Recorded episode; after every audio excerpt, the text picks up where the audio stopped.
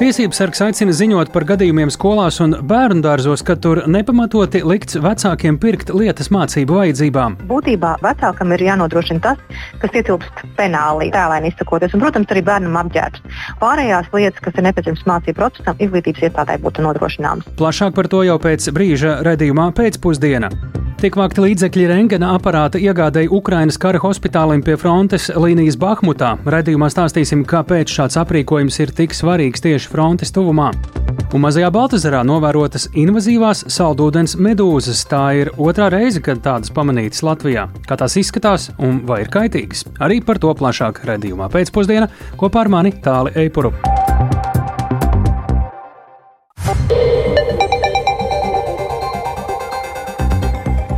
Ir 16,5 minūtes, skan pēcpusdienas ziņu programma, skaidrojot šodienas svarīgus notikumus. Studijā tālāk Eipurs.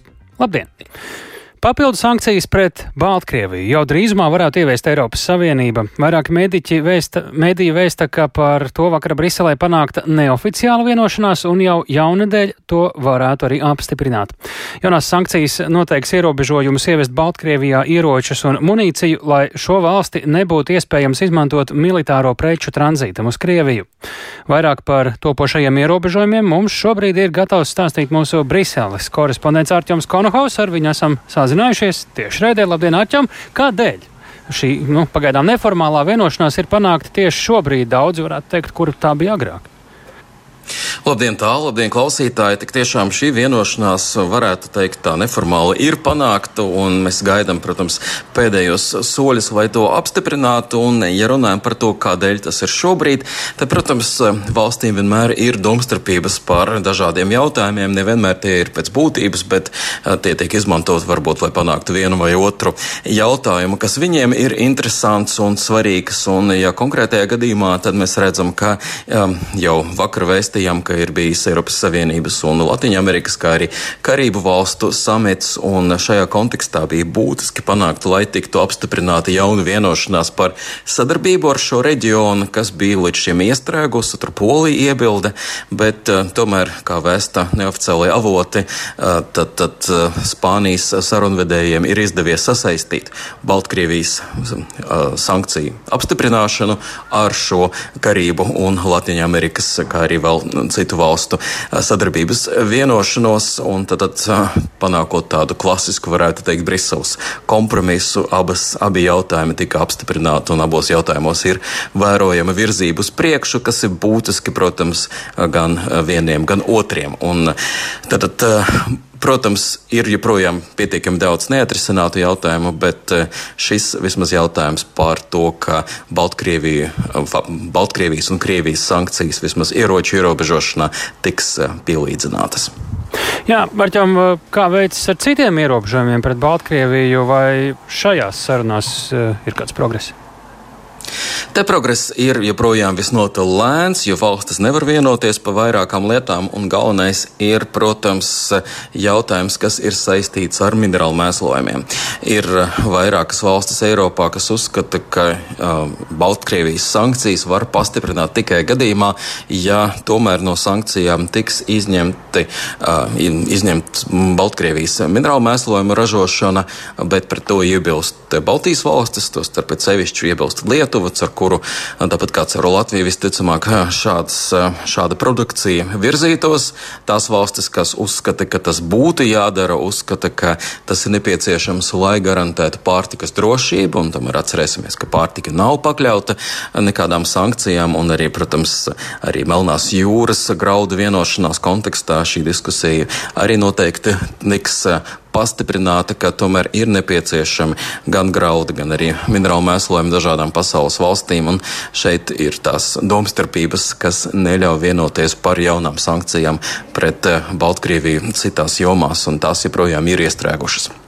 Nu, savukārt, eh, Eiropas parlamentā mēs zinām, ir izskanējis ierosinājums starptautiskajai krimināla tiesai izdot arestu orderu ne tikai pret Krievijas prezidentu Vladimiru Putinu, kas jau ir pirms kāda laika noticis, bet arī par Baltkrievijas vadoni Aleksandru Lukašenko. Cik reāls ir šāds scenārijs? Protams, par to mēs raudzīsimies, kā tas attīstīsies nākotnē. Es teiktu, ka arī par Putinu daudziem bija pārsteigums, ka krimināla tiesa ir izsludinājusi šādu arestu orderi.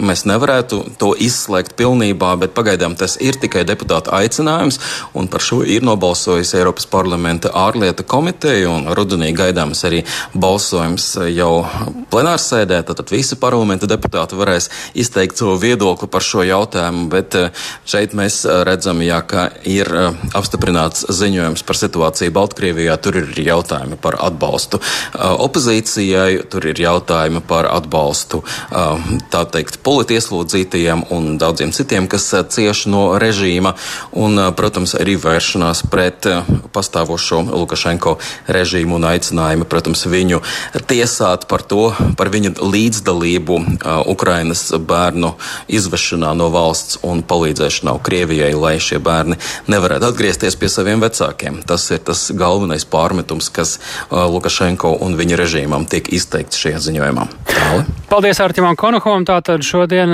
uzzinājām, ka Eiropas Savienība jau drīzumā varētu ieviest papildus sankcijas pret Baltkrieviju. Par drošības tematiku reģionā un Ziemeļatlantijā, tā to varētu nosaukt. Turpinām aizsardzības ministra Ināra Mūrniec turpina vizīti ASV, kur šodien Vašingtonā tiksies ar ASV Senāta Baltijas atbalsta grupas vadību, pārnās arī Latvijas un ASV sadarbība aizsardzības jomā. Ministrs darba kārtībā ASV arī tikšanās ar kongresu un senāta pārstāvjiem, kā arī piedalīšanās ASV aizsardzības departamenta Nacionālās gvārdes konferencē par godu jau 30 gadu partnerībai ar ASV. Nu, tas nozīmē gan spriešanu par drošības situāciju pasaulē, gan arī turpmāko sadarbību. Šobrīd pie mūsu klausulas ir aizsardzības ministra Ināra Mūrniece. Labdien! Labrīt! No Amerikas tā tas arī ir, ka labrīt, bet tie, kuri seko aizsardzības tematikai, noteikti ir pamanījuši, ka jau kopš 90. gadiem Latvijas aizsardzības sektoram tiešām ļoti cieša sadarbība arī bijusi tieši ar Mičiganas Nacionālo gvārdi ASV, un šajā vizītē jūs šiem partneriem arī paredzēts pateikties par tādu 30 gadu atbalstu. Faktiski, kā jūs dažos vārdos atgādināt klausītājiem, cik plašs un būtisks šis atbalsts ir bijis? Eh, man jāteic, ka, šod, ka mēs esam pateikuši milzīgu paldies Amerikas eh, Savienotajām valstīm kopumā par atbalstu mūsu attīstībā, un arī jo īpaši Nacionālajai gvardei un Mičiganas Nacionālajai gvardei, kas eh, ir atbalstījusi mūsu bruņotos spēkus kopš 1993. gada. Un, jā, šī programma sākās toreiz Zināmā mērā pateicoties tādām laimīgām apstākļu sakritībām, bet tas bija arī laiks, kad, eh, Krievi, kad Latvijā vēl bija Krievijas karaspēks. Un šī situācija nebija tik vienkārša. Tas prasīja diezgan lielu uzdrīkstēšanos un arī nu, vei, tika atrasti visi pareizie veidi, kā šo sadarbību izvērst, stiprināt. Mēs varam ar to lepoties un būt lepni. Un jāteic, šajā visu pasākumos, kas ir veltīti šīs sadarbības 30 gadiem, Latvijas vārds skanēja bieži, un Latvijai tika pievērsta īpaša uzmanība, jo Latvija bija pirmā valsts, ar kuru šī programma tika izveidota.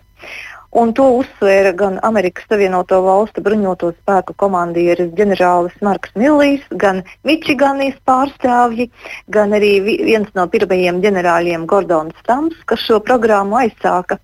Jāteic, tā bija tāda arī viņiem, arī Amerikas Savienoto Valstu Mičiganas pārstāvju un ģenerāļu visu, kas bija piedalījušies mūsu sadarbības, tāda priecīga tikšanās, kopā sanākšana, un mēs varējām atcerēties, cik daudz patiešām ir izdarīts, bet arī to, cik daudz vēl ir darāmā.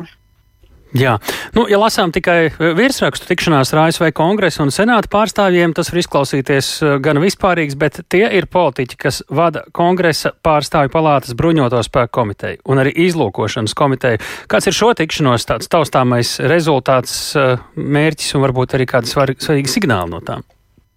Jā, mēs vispirms pateicām paldies par atbalstu, par Baltijas drošības iniciatīvu, kura šogad piešķirti 225 miljoni Amerikas Savienoto Valstu dolāru trīs Baltijas valstīm mūsu bruņoto spēku attīstībai un arī jaunu spēju veidošanai. Tā ir ļoti, ļoti svarīga, būtiska lieta, un eh, par to mēs esam ārkārtīgi pateicīgi. Mēs gan runājām, ka būtu labi, ja mēs varētu zināt ilgtermiņā, nu, piemēram, divus, trīs gadus uz priekšu, kāds būs šis plānotais atbalsts, lai mēs varētu arī plānot savas attīstības savus attīstības projektus un spējas, saprotot, ar ko varam rēķināties arī uz priekšu. Mēs pārunājām Viņas samita rezultātus, un e, jāteic, ka vērtējums ir līdzīgs, ka NATO austrumu, austrumu uh, valstis, kas ir NATO austrumu flangā, ir uh, būtiski stiprinātas, un ir eh, rasti arī jauni veidi, kā palielināt drošību mūsu valstīs. Jā, Latvija kopā ar Igauniju pērk pretgaisa aizsardzības sistēmas. Mēs redzam, cik tās ir būtiskas Ukrainā, bet eh, tā kā NATO samitā Viļņā tika lemts arī par to, ka NATO varētu palīdzēt un veidot eh, šo sadarbības modeli tādu, kas stiprinātu pretgaisa aizsardzības sistēmu kopumā. NATO austrumu flangā, tad uzrunāju arī Amerikas Savienotās valstis par iespējām vai nu mācību veidā, vai rotācijas uh, veidā Latvijā izvietot pretgaisa aizsardzības sistēmas. Tas būtu ārkārtīgi nepieciešams šobrīd, kamēr mums pašiem vēl šo sistēmu nav. Un, protams, nemainīgi arī Amerikas Savienoto Valstu militārās klātbūtnes palielināšana. Ja ir rotācijas, tad, kad viena rotācija noslēdzas, lai nāktu nākamā, un uh, tas ir īpaši. Jā. Tas ir arī īpaši būtiski. Jā, mūs ļoti slavēja par to, ka esam sasnieguši un pārsnieguši 2% no iekšzemes koproduktai koprodukta aizsardzībai un plānojam sasniegt trīs, ka mūsu bruņoto spēku attīstība ir dinamiska. Ceļam cēlīs poligonu esam ieviesuši Jā. arī valsts aizsardzības dienestu. Tas viss tika pamanīts mm -hmm. un mhm. ļoti, ļoti atzinīgi vērtēts. Lielas paldies par sārunu. To mēs sakām aizsardzības ministrei Inārai Mūrniecei. Viņa šobrīd uzturas vizītē Vašingtonā tiekoties ar svarīgām aizsardzības nozares amatpersonām. Tikmēr Ukrainā karš joprojām rit ar pilnu jaudu, tāpēc palīdzība tur nedrīkst atslābt. Biedrības tavi draugi labdarības koncertā savākti pirmie 7000 eiro rentgena aparāti iegādāja Ukrainas kara hospitālim pie pašas frontes līnijas Bahmutā. Tāpat eh, koncertā, kur tika vākti ziedojumi, apmeklētāji saziedojuši simtiem ātri pagatavojamo sauso zupu, šķīstošo kafiju un pretodu līdzekļus, kas noderēs lieti karavīriem frontē. Šobrīd ziedojuma vākšana rengenaprātam turpinās un esam sazinājušies ar biedrības tavu draugu pārstāvi Beāti Bēvaldi. Labdien!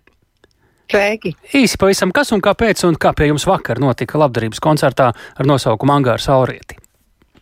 Vakardien mums bija jau otrais Angāra Saurieti koncerts, kā jau tu minēji, gāja, nu, es teiktu, patiešām ļoti forši un brīnišķīgi. Mums gan mazliet pietrūkst uh, vēl tā kopējā summa līdz 25,000 rengena aparātam, bet es uh, gribēju mazliet palabot. Uh, tie nav pirmie 7,000 kopumā. Mēs jau esam savākuši 12,000 uh, no uh, nepieciešamajiem 20. 7 tad ir tieši koncertā. Jā, septiņi ir tieši mm -hmm. koncerti ietvaros, uh, un attiecīgi uh, nu, turpināsim uh, strādāt un turpināsim atlikušo summu pēc iespējas ātrākā laika periodā arī attiecīgi savākt, jo tas bija maijas, pašas maija beigas, kad Monta pati ciemojās uh, Kijevā un attiecīgi arī satikās ar šiem kara hospitāļu uh, pārstāvjiem. Un, uh, no māja kāds laiks viņš jau ir pagājis, uh, tik tālu nu, mēs esam tikuši, jā, bet uh, nu, vēl mazliet maz astīt tur trūkst. Šeit runa par Montu veco zolu, jā. Bet par rengena aparātu pašu, kāpēc tas ir? Ir tik svarīgs tieši frontes tūmā, un īsumā arī vai tas kaut kā atšķiras no parastiem tādiem slimnīcās pie mums esošiem rengena aparātiem, varbūt ir īpaši piemērots tieši tur pie frontes apstākļiem, kāds mobilāks, piemēram, vai kā? Jā, tā vajadzība priekš tieši šī konkrētā aparāta ir tāda, ka ļoti bieži šajos kara hospitāļos nākas saskarties ar karavīriem, kur ir cietuši raķešu sprādienos. Tur savukārt ir dažādi pavisam mazas mazītiņas ar cilvēku aci vai ar tautu pat nesastāvs un neatrodams šķembas, kuras tad attiecīgi nokļūst šo karavīru ķermeņos. Un tā problēma ir tajā, ka uh, ir rengena aparāti, kas uh, specializējas tieši šo konkrēti mazo šķembu atrašanā.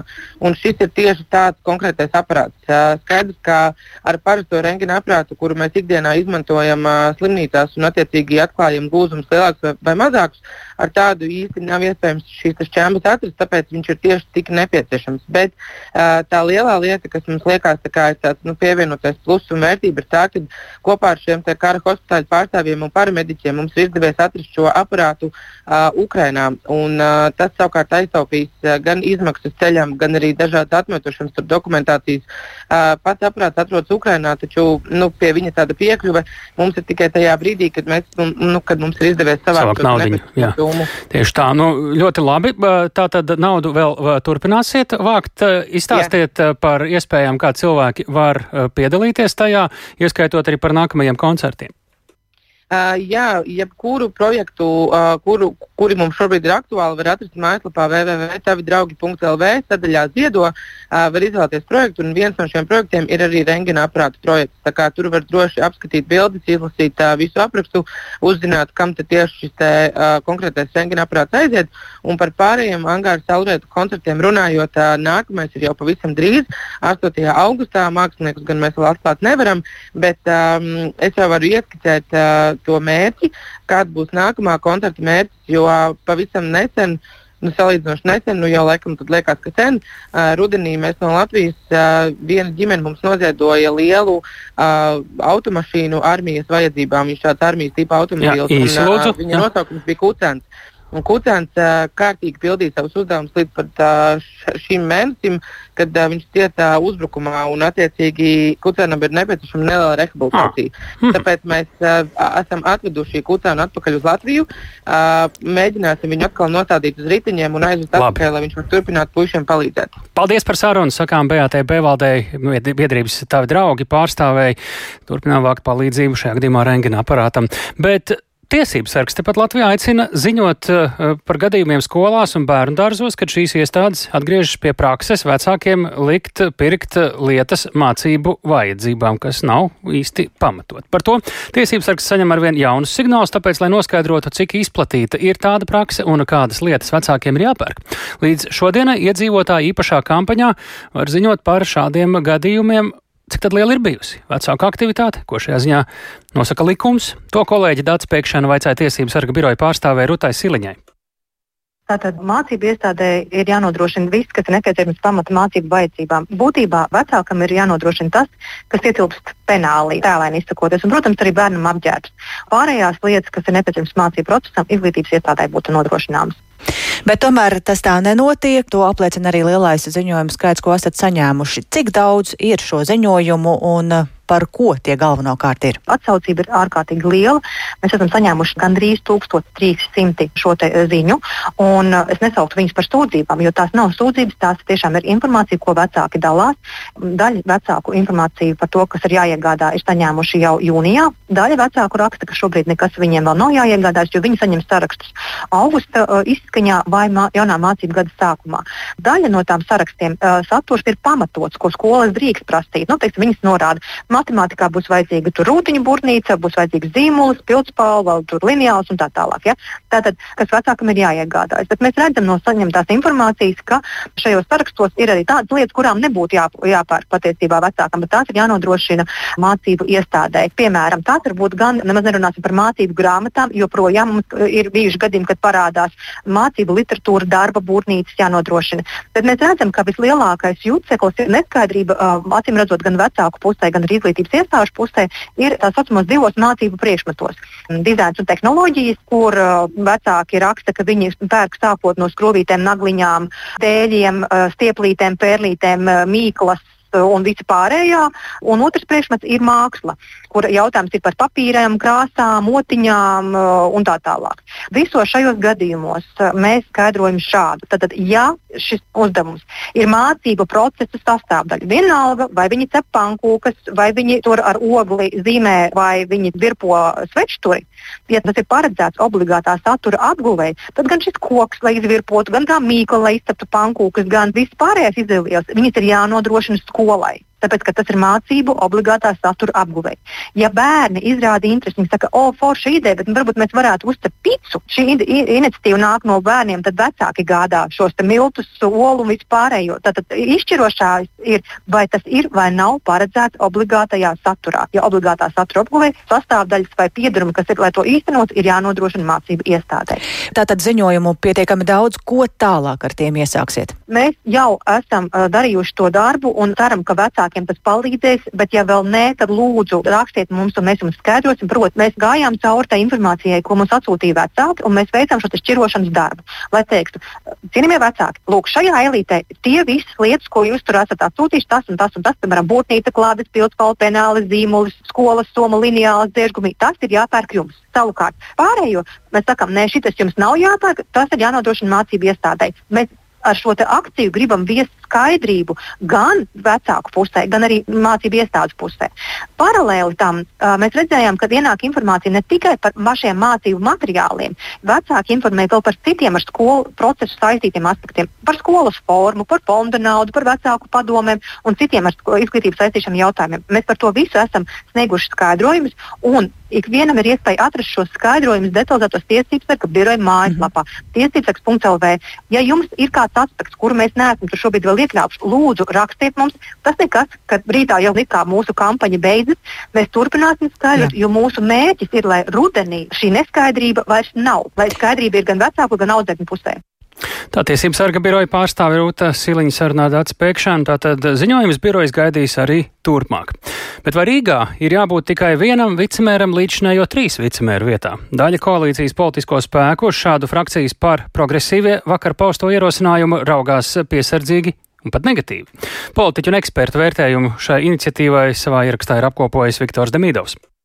Rīgas domas lielākā frakcija par progresīvie vakar nāca klajā ar skaļu paziņojumu, ka triju vicemēru vietā ir jāatstāj tikai viens, un ka satiksmes joma ir politiski jāmaina. Nacionālā apvienība Latvijas reģiona apvienība raugās piesardzīgi, uzskatot, ka grandiozas pārmaiņas pašvaldībā nevajadzētu ieviest. Koalīcijas otra lielākā frakcija, jaunā vienotība, progresīvo priekšlikumus vēl nekomentē.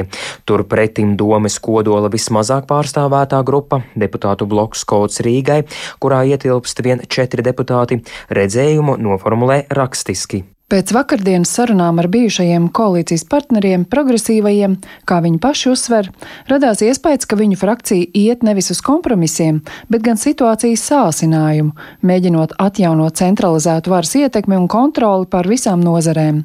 Tas, ko viņi pēc būtības piedāvā, ir samazināt koalīcijas partneru Kots Rīgai un Nacionālās apvienības Latvijas reģiona apvienības jau tā mazo ietekmi līdz neko nelemjošam statusam. Savukārt trīs domas kodola partneri progresīvajiem vakar piedāvāja savu redzējumu.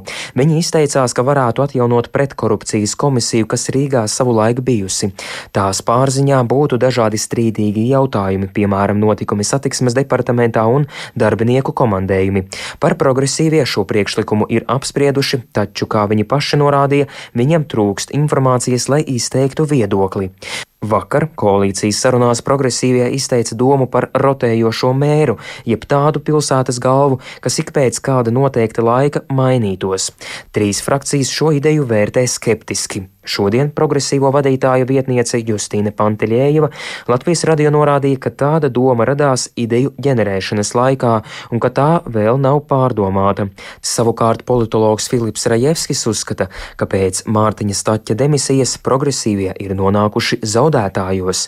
Viņš arī uzskata, ka trim frakcijām ir rezerves plāns izveidot koalīciju bez progresīvajiem. Viņiem, protams, interesi lielāk ir saglabāt šo koalīciju tikai eh, drusku progresīvo pozīciju vājināšanos, iedodot, piemēram, viņiem vienu no vicemēriem un saglabājot tās pozīcijas, kādas viņiem ir. Bet šajā gadījumā izskatās, ka progresīviem tas neapmierina. Viņi mēģina meklēt iespējas paprasīt kaut ko vairāk, un tāpēc notiek tāda grūstīšanās. Bet te ir jāatcerās, ka ir divu mēnešu periods līdz jaunā mēra iecelšanai. Es domāju, vienā mirklī tā sarunas kļūs nervozākas, ņemot vērā, ka visi sāk saprast, ka viņiem var nākties iet uz vēlēšanām, un šī pozīcija ļoti nepopulāra, ar kādu viņi varētu iet uz ārkārtas vēlēšanām. Koalīcijas nākamās sarunas iespējams varētu notikt jau rīt, kad trīs koalīciju frakciju pārstāvi kopā būs izrunājuši savu redzējumu par minētajiem piedāvājumiem. Viktors Demidovs, Latvijas radio. No politiskā tirgus pie reālā tirgus. Pārtiks cenas veikalu plauktos pēdējā laikā ir ļoti aktuāls temats sabiedrībā. Gan patērētāji, gan eksperti spriež par to, kādas cenas ir arī kaimiņu valstīs, kādēļ tās atšķiras starp veikaliem, par prognozēm. Lai meklētu iespēju ietaupīt, daļa pircēji dodas arī uz tirgu. Tad, nu, lūk, tagad par vienu šādu iespēju vairāk. Šovakar tiek sākta nakts tirgošanās arī Rīgā vidzemes tirgū. Par šo tēmatu interesējās kolēģi Santa Adamsone. Dienas pirmajā pusē, neilgi pirms pusdienas laika, Rīgas centrālā tirgu, laukumā, kurā tirgo ogas, augļus, dārzeņus, zaļumus un citus svaigus produktus, cilvēki ar iepirkuma maisiņiem no viena tirgotāja pie otra pārvietojas visai aktīvi. Daži arī gatavi dalīties pieredzē. Bieži nākat uz tirgu? Nē, nē, nē, nē. Pirmo, nu labi, ne pirmo reizi, bet nav bieži. Kāpēc tā? Es nezinu, tālu no mājām. Tāpēc. Nu, uz tāda pirmā acu uzmetiena izdevīgāk varētu būt tirgu vai tomēr veikalā labāk iepirkties? Nē, man liekas, ka veikalā ir uh, lētāk nekā tirgu, bet droši vien, ka tirgu ir tā, ka tu vari atrast vietējus produktus. Tas ir plus. Vot, bet, nu, maksā tu vairāk par vietējiem produktiem nekā veikalā. Protams, jā, izdevīgāk. Ja, ja gribat braukt, bet nav parkinga šeit. Ar mašīnu nevar piebraukt, tāpēc es nevaru. Bet cenas pat pašmāju produktiem ir lētākas, ja nekā? Jā, protams, laikam divreiz lētāks. Jā. Izdevīgumu. Jā. Šeit ir vairāk svaigs, pieejams, ot manām rociņām. Pati varu regulēt, ko man vajag, ko ne. Pircēja atbildes par izdevīgumu atšķirīgas, bet uzrunātie tirgotāji gan par to, kā cenas ir vai nav mainījušās, komentēt izvairās. Daži atzīst, ka ir dārgāk. To ietekmēs sāls vēl pavasarī, karstums vasarā. Arī pircēji esot mazāk, jo remontdarbu dēļ pie centrāla tirgus grūti piebraukt ar mašīnu. Secinājumos par izdevīgumu iepērkoties tirgu gatava dalīties Agroresursu un ekonomikas institūta lauksaimniecības tirgus veicināšanas daļas vadītāja Ingūna Gulbe. Tas ir atkarīgs cik daudz jūs pērkat, ko jūs pērkat, jo lielveikalā ir diezgan standartizēta produkcija. Ja jūs gribat kaut ko īpašu, tad, protams, tirgus ir īstā vieta, kur aiziet parunāties un noskaidrot. Ja jums vajag kāpos priekš tīteņiem, tad ir viena šķirne, ja jums vajag skābēšanai, tad ir cita šķirne. Latvijas Zemnieku federācijas valdes priekšsēdētāja Agita Hauka teica, ka cenām būtiskas izmaiņas nav, un cena noteikti esot elastīgāk nekā lielveikalā. Tirgu vienmēr var kaulēties. Ar zemnieku var cenu sarunāt, jo tā ir viņa prece un viņš to cenu nosaka. Tas nav tā viennozīmīgi. Protams, par pirmo ražu, tā kā par zemenēm mēs runājam, vai ne par pirmo ražu, tā vienmēr ir dārgāk, bet pēc tam jau atkal viņai cena krītās, tad var sākt vārīt zaptis. Tā kā zemniekiem tirgus ir svarīgs elements, federācija iepriekš kopā ar nevalstiskām organizācijām Rīgas doma un centrāla tirgus spriedusi par nakts tirgus sakārtošanu. Par interesi komentē Rīgas nami pārstāve Dace Preisa. Protams, teorētiski viena mērķa auditorija šim procesam ir uh, tirgotāji, kas attiecīgi no zemniekiem iegādājas šo produkciju, taču uh, laika gaitā, protams, arī pircējs ir ļoti iecienījis šo iespēju. Rīgas centrāla tirgus iznomā tirzniecības vietas, un, ja mēs raugamies šajā aspektā, tad, piemēram, nakts tirgu šobrīd tieši tāpat kā visus gadus iepriekš tā interese ir ļoti, ļoti liela. Fakts praktiski 90% no tirzniecības vietām ir iznomāts arī šobrīd. Tirgošanās vakara stundās atsākt arī vidzemes tirgu Rīgā. Tur pirmajam nakts tirgum esot virs 15 pieteikumiem. Cik un kam izdevīgi ir šādi nakts tirgi, vaicājam arī pētniecei Ingūnai Gulbei. Ir jāsaprot, ka eh, naktas tirgus tuvu vakarā strādā. Un zemnieka uzdevums jau pamatā nav stāvēt eh, daudzas stundas tirgū, bet ražot. Tad tas viņam ir tāds papildus nu, darbs. Es negribētu teikt, ka eh, zemniekam tas ir tas labākais variants, jo tās cenas tajā naktas tirgū arī nav augstas. Viņas, nu, vismaz tajā, kas ir centrāla tirgū, nav tik augstas, un tas viņam ir papildu darbs. Tas ir nu, tādam mazākam, varbūt tiešām, kurš ražo kaut kādus produktus, kas nav paredzēti eksportam vai lielveikalu ķēdēm. Inkūna Gulba saka, tā kā tur tirgošanās ir bez starpniekiem, tad arī cenām būtu jābūt lētākām, bet nevienmēr. Tā pārsvarā esot cita veida produkcija, tāpēc nav salīdzināma ar to, kas ir lielveikalos. Santa Adamsona, Latvijas Rādio. Latvijas Futbolā turpinās Eiro kausu vasara, un tieši šovakar vēsturiski spēle pagājušās sezonas Latvijas čempioniem Valmierai. Viņi aizvedīs UEFA Čempionu līgas kvalifikācijas pirmās kārtas atbildes spēli savā laukumā, spēlējot pret Ljubljanas Olimpiju. Tā ir pirmā Čempionu līgas kvalifikācijas spēle, kas norisinās Vidzemes pilsētā, tāpēc ažiotāža ap šo spēli ir liela. Un to daļu plašāk parunāsim par futbola vakaru. Šobrīd esam pieslēgušies tiešraidē Jāņa Daliņa stadionam Valmierā. Tur atrodas kolēģis Māris Māris eh, Bergs. Sveiks, Māris! Šī tā tad ir eh, kvalifikācijas eh, pirmās kārtas, nu jau atbildes spēle. Tad atgādini, kā Valmieriešiem veicās pirmajā spēlē un kāds līdz ar to rezultāts Valmierai šodien ir vajadzīgs, lai tiktu nākamajā turnīra stadijā. Sveiks, tālāk, sveicināti klausītāji. Tik tiešām atrodos šobrīd Jāņa Dāliņa stadionā Valmierā. Komandu personāls jau sāk gatavot visu tam, lai spēlētāji varētu sākt iesildīšanos laukumā. Bet um, atgādinot par iepriekšējo rezultātu, tad Valmiera pirms nedēļas izbraukumā piedzīvoja zaudējumu ar rezultātu 1-2 un vienīgos vārtus izdevās gūt tikai mača izskaņā. Olimpijai uh, pirmajā spēlē piederēja diezgan ievērojams bumbas kontrols un arī teritoriālais pārsvars. Runājot par uh, šodien nepieciešamiem iespējamiem scenārijiem, vai kā viss varētu atrisināties, tad eh, Valmierai, protams, der scenārijs ar uzvaru ar divu vai vairāk vārtu pārsvaru. Ja pēc 90 spēlētām minūtēm Valmierai būs vienu vārtu pārsvars, tad spēle turpināsies papildu laikā.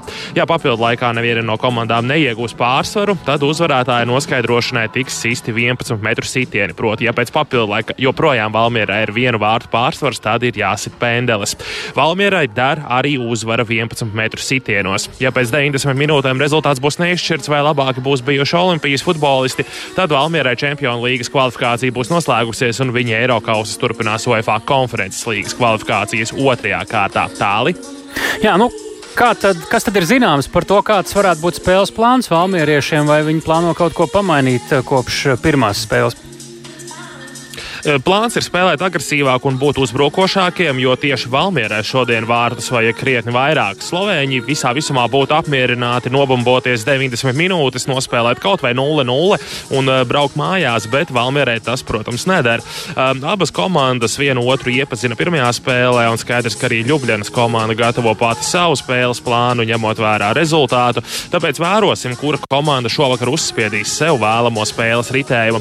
Kā tad valmierieši grasās spēlēt? Bet par to žurnālistiem plašāk pirms spēles stāstīja kluba galvenais treneris Jurģis Kalns. Mēs nedrīkstam pa galvu, pa kaklu mēsties uz priekšu. Ielaist ātri vārti var mainīt visu spēles ritējumu. Protams, ir savādāks plāns šai spēlē, drošāks, teiksim tā, bet tas nav plāns, kurš ir pa galvu, pa kaklu pašpārliecināts, pārliecināts, lai mēs mestos uz priekšu, atdot pretiniekam daudz brīvās zonas un tagad nu, tik presingosim, nu, tik uzbruksim. Tā noteikti nenotiks, jo apzināmies, to mēs varēsim izdarīt iespējams arī otrā puslaikā, ja vajadzēs. Tā Valmieras kluba galvenais treneris Jurģis Kalns tieši nespēja realizēt taktiskos uzstādījumus pirmajā spēlē, tiek izcelts kā viens no iemesliem nelabvēlīgiem rezultātam. Ljubdenā. Šī vakara mājinieku kapteinis Daniels Balodis sarunā ar Latvijas radio pirms spēles pauda, ka pretinieks ir iepazīts, bet pašiem jākoncentrējas uz savu uzdevumu izpildīšanu. Klausāmies Valmieras kluba kapteini un centra aizsargu Danielu Balodu. Nebija nekas tāds jauns, bet uh, jauns bija tas, ka viņi ļoti labi kontrolēja bumbu. Tā bija cita komanda, pret kuru mēs iepriekš neesam spēlējuši. Es domāju, tas faktors visvairāk nostrādāja tas, ka mēs vienkārši nepazīstam tik labi viņus. Bet uh, tagad jau zinām, kā viņi spēlē, un uh, vairs tā nav problēma. Varbūt kaut kāda neliela mandrāža kādam ir, bet uh, es domāju, tas dod uh, vairāk uh, patīkamas sajūtas nekā kaut kādas negatīvas lietas. Neliela mandrāža, es domāju, tas nāks tikai par labu mums, un uh, atmosfēra būs fantastiska. Tālāk Valmieras komandas kapteinis Daniels Balodis par gatavošanos šī vakara spēlē. Tāli. Nē, mums līdz Rīgai arī ir atnākušas ziņas, ka ažiotāža Valmierā ir ļoti liela un arī skatītāju tribīnēs vispār nemaz nekādi netrūkšot. Jā, nu šobrīd Jāņa Dāliņa stadions ir gandrīz tukšs. Šeit atrodas tikai abu komandu personāls un arī tehniskais personāls, kas nodrošina to, lai spēle noritētu kā plānots. Bet nu, skaidrs, ka līdz spēlē vēl ir pusotra stunda un skatītāji tikai pamazām sāks ierasties drīzumā. Stadions patiesībā bija izpārdots jau pirms vairākām dienām, un um, sociālās saziņas vietnēs šodien redzēju, ka cilvēki uh, jautā, vai kāds tomēr netirgo kādu biļetīti. Tā tad interese, protams, šeit ir, un uh, arī kluba pārstāvi norāda, ka pēc restaurācijas stadions uz futbolu ir izpārdots pirmoreiz tāli. Paldies, Mārta! Tātad pirmo reizi UEFA līmeņa spēlē šajā vidzemes pilsētā tādas ziņas mums no Valmieras. Bet atceramies, ka pirmo spēli RFS futbolists pret Maķedonijas komandu pirms nedēļas aizvadīja 39 grādu karstumā, un karstums Eiropā un ne tikai neatkāpjas. Milzu karstums turpina plosīties uzreiz trīs ziemeļu puslodes kontinentos, tostarp arī Eiropas pusē, un mūsu kontinentās vēlme ir pārņēmusi dienvidos esošās valstis, un te jau visās Itālijas lielākajās pilsētās, piemēram, šodien izsludināts sarkanais brīdinājums par karstumu un tā radītajiem riskiem veselībai. Karstuma dēļ valda arī liels sausums, tādēļ nerimst arī cīņa ar savvaļas ugunsgrēkiem un plašāk par svēlmi Eiropā Riharda Plūmas ierakstā. Karstuma rekordi vairākās vietās Eiropas dienvidos turpina krist un visticamāk vēl kritīs. Jau vairākas dienas daudz viet temperatūra pārsniedz 40 grādus. Grieķijā protestējot pret darba apstākļiem karstuma laikā, turistu iecienītajā Akropolē strādājošie no ceturtdienas pārtrauks darbu uz četrām stundām dienā. Gan Grieķijā, gan Spānijā vairākos reģionos izsludināti brīdinājumi par karstumu. Katalonijā reģistrēta novērojumu vēsturē augstākā gaisa temperatūra - 45,4 grādi. Brīdinājumi ir spēkā arī daļā Balkānu un 40 grādus vēlme gaidāma arī Francijā. Bet Itālijā sarkanie brīdinājumi par ārkārtēju karstumu ir spēkā lielākajā daļā lielo pilsētu. Šie brīdinājumi nozīmē to, ka karstums rada draudus veselībai visiem, nevis tikai riska grupām. Sagaidāms, ka šodien gaisa temperatūra Itālijā sasniegs maksimumu. Itālijai piedarošajās Sardīnijas un Sicīlijas salās atkal valdīs karstākie laikapstākļi, temperatūrai sasniedzot 46 vai 47 grādus. Eiropas karstuma rekords ir 48,8 grādi, kas tika reģistrēts 2021. gadā Sicīlijā. Itālijas mediji lielo karstuma vilni, kurš pārņēmis valsti, dēvē par Setimāna infernāla jeb Elles nedēļu. Saskaņā ar veselības ministrijas datiem par 20% ir pieaudzis to pacientu skaits, kuri tiek uzņemti ar karstuma simptomiem, piemēram, dehidratāciju, spēku izsīkumu, karstuma dūrienu un apjukumu.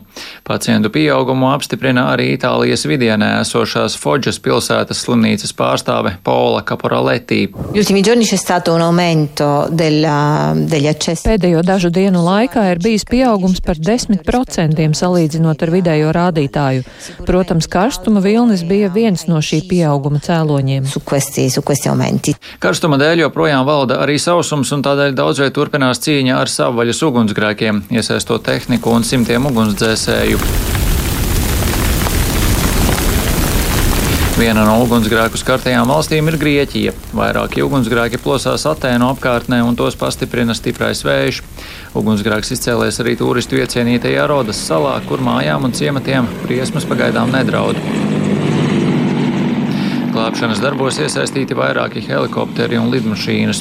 Ugunsgrēks plosās arī Spānijai piedarošajās Kanāriju salās, kur tas nopostījis vairākus tūkstošus hektārus meža un spiedis evakuēt vismaz 4000 iedzīvotāju.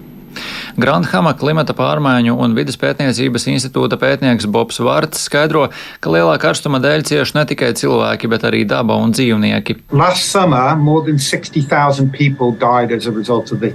Pagājušajā vasarā Eiropā karstuma dēļ mira 60 tūkstoši cilvēku, un tam ir liela ietekme uz cilvēka veselību. Bet no karstuma, ja tas apvienots ar sausumu, cieš viss, īpaši raža. Ja zeme izžūst un ir maz lietus, tas apdraud ražu un rada draudus nodrošināt bagātībai ar pārtiku.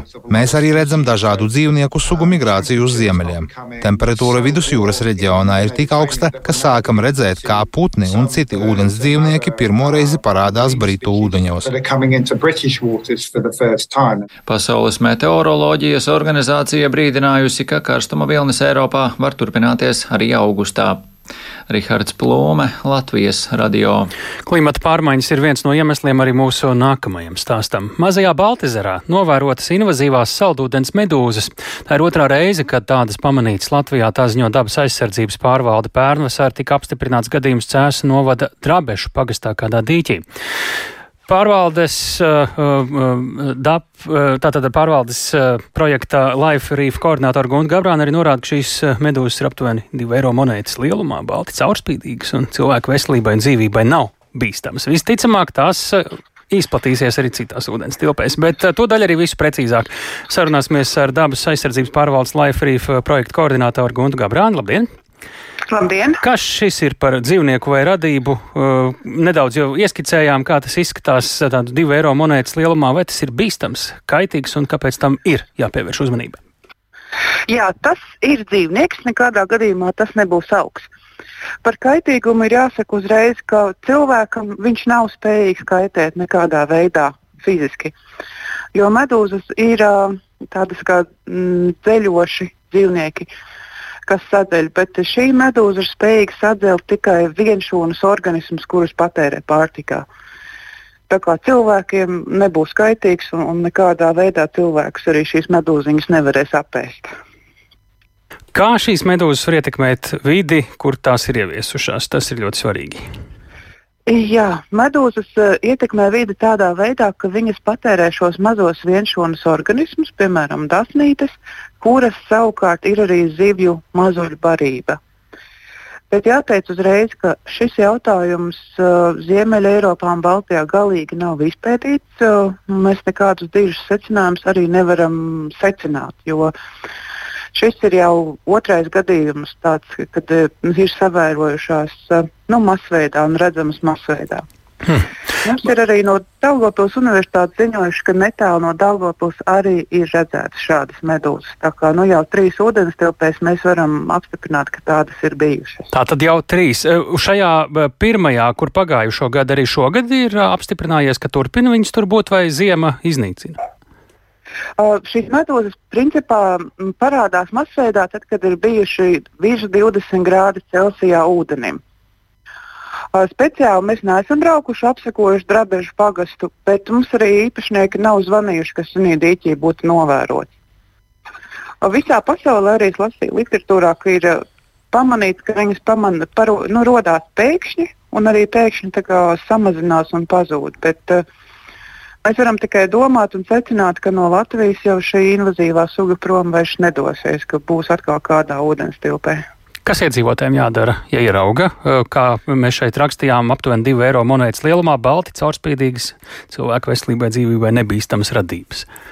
Jā, jo, lai uzklāt, uzkrātu informāciju un saprastu, kurš šī invazīvā suga ir un iespējams kādā veidā viņa arī pārvietojās, tad ir nepieciešams ziņot uz e-pastiņa invazīvas atzīme daba.gov.lv Un tad zinātnieki jau nākamgad varēs doties, skatīties un apsekot, vai viņas parādās vai neparādās, un cik ļoti tas korelē ar ūdens temperatūru. Mhm. Vai arī meklēt dabas aizsardzības pārvaldes lapā. Jā, vai vienkārši piezvanīt dabas aizsardzības pārvaldes centrālajā tālrunī un stāstīt, ka kaut kas ir redzēts, un tad jau to informāciju mēs apkoposim. Paldies par sarunu. To mēs sakām Guntai Gabrānai, dabas aizsardzības pārvaldes Life Reef projekta koordinātorei. Šis bija ziņu raidījums pēcpusdienā. Ar jums sarunājās tāls ēpurs raidījumu veidoja Ilza Aginta, Renārs Šteimanis, Iveta Zvēnietis. Šo raidījumu pavisam noteikti varat arī sev vērtā laikā klausīties Latvijas radio mobilajā lietotnē un arī raidierakstu platformās. Tur arī var padalīties ar raidījumu ar citiem. Mēs tiekamies rīt pēc ziņām 4 un 5.